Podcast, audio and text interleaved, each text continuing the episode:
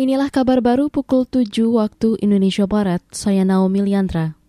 Pemerintah daerah Yogyakarta menonaktifkan kepala sekolah dan tiga guru SMA Negeri 1 Banguntapan, Bantul. Penonaktifan terkait dugaan kasus pemaksaan penggunaan jilbab salah satu siswi mereka. Gubernur DIY Sri Sultan Hamengkubuwono X mengatakan masih menunggu hasil pemeriksaan tim terkait pelanggaran yang dilakukan tersebut.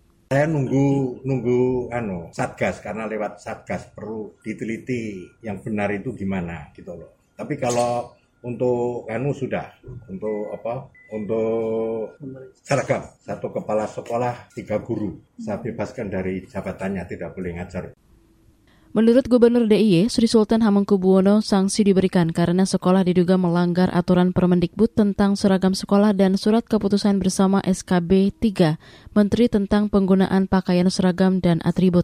Sultan berharap siswi yang mengalami perundungan tidak disalahkan, sebab justru sekolah yang melakukan pelanggaran sehingga harus ditindak. Kementerian Kesehatan tengah menelusuri asal penularan dan juga sebaran dari pasien suspek cacar monyet yang ditemukan di Jawa Tengah. Menteri Kesehatan Budi Gunadi Sadikin mengatakan diperlukan genome sequencing untuk memastikan infeksi cacar monyet pada pasien. Betul. Jadi sudah ditelusuri dan yang lainnya itu sudah kita ambil serumnya, darahnya ya. Jadi eh, kontak eratnya. Karena ini kan harus dengan kontak ini ya menularnya. Menurut Menkes Budi, untuk mendapatkan hasil penelusuran dan tes genom, dibutuhkan waktu selama 3 hingga 5 hari untuk mengetahui jenis cacar yang menginfeksi. Kata dia, sebelumnya Kementerian Kesehatan juga mendapat 9 laporan suspek cacar monyet. Namun setelah menjalani pemeriksaan lanjutan, para pasien dinyatakan menderita cacar biasa.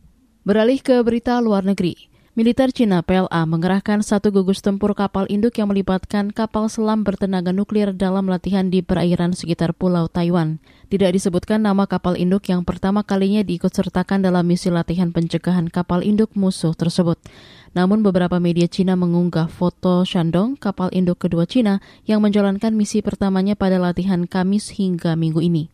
PLA mengoperasikan dua kapal induk, Lianyong dan Shandong. China masih memiliki satu unit kapal induk terbaru Fujian yang diluncurkan pada pertengahan bulan lalu. Selain itu, Kementerian Pertahanan China saat ini mengoperasikan enam kapal selam rudal balistik bertenaga nuklir dan enam kapal selam serang bertenaga nuklir. Situasi di Selat Taiwan saat ini memanas terkait dengan kunjungan Ketua DPR Amerika Serikat Nancy Pelosi di wilayah yang diklaim sebagai milik China. Saudara, demikian kabar baru KBR. Saya Naomi Liandra undur diri.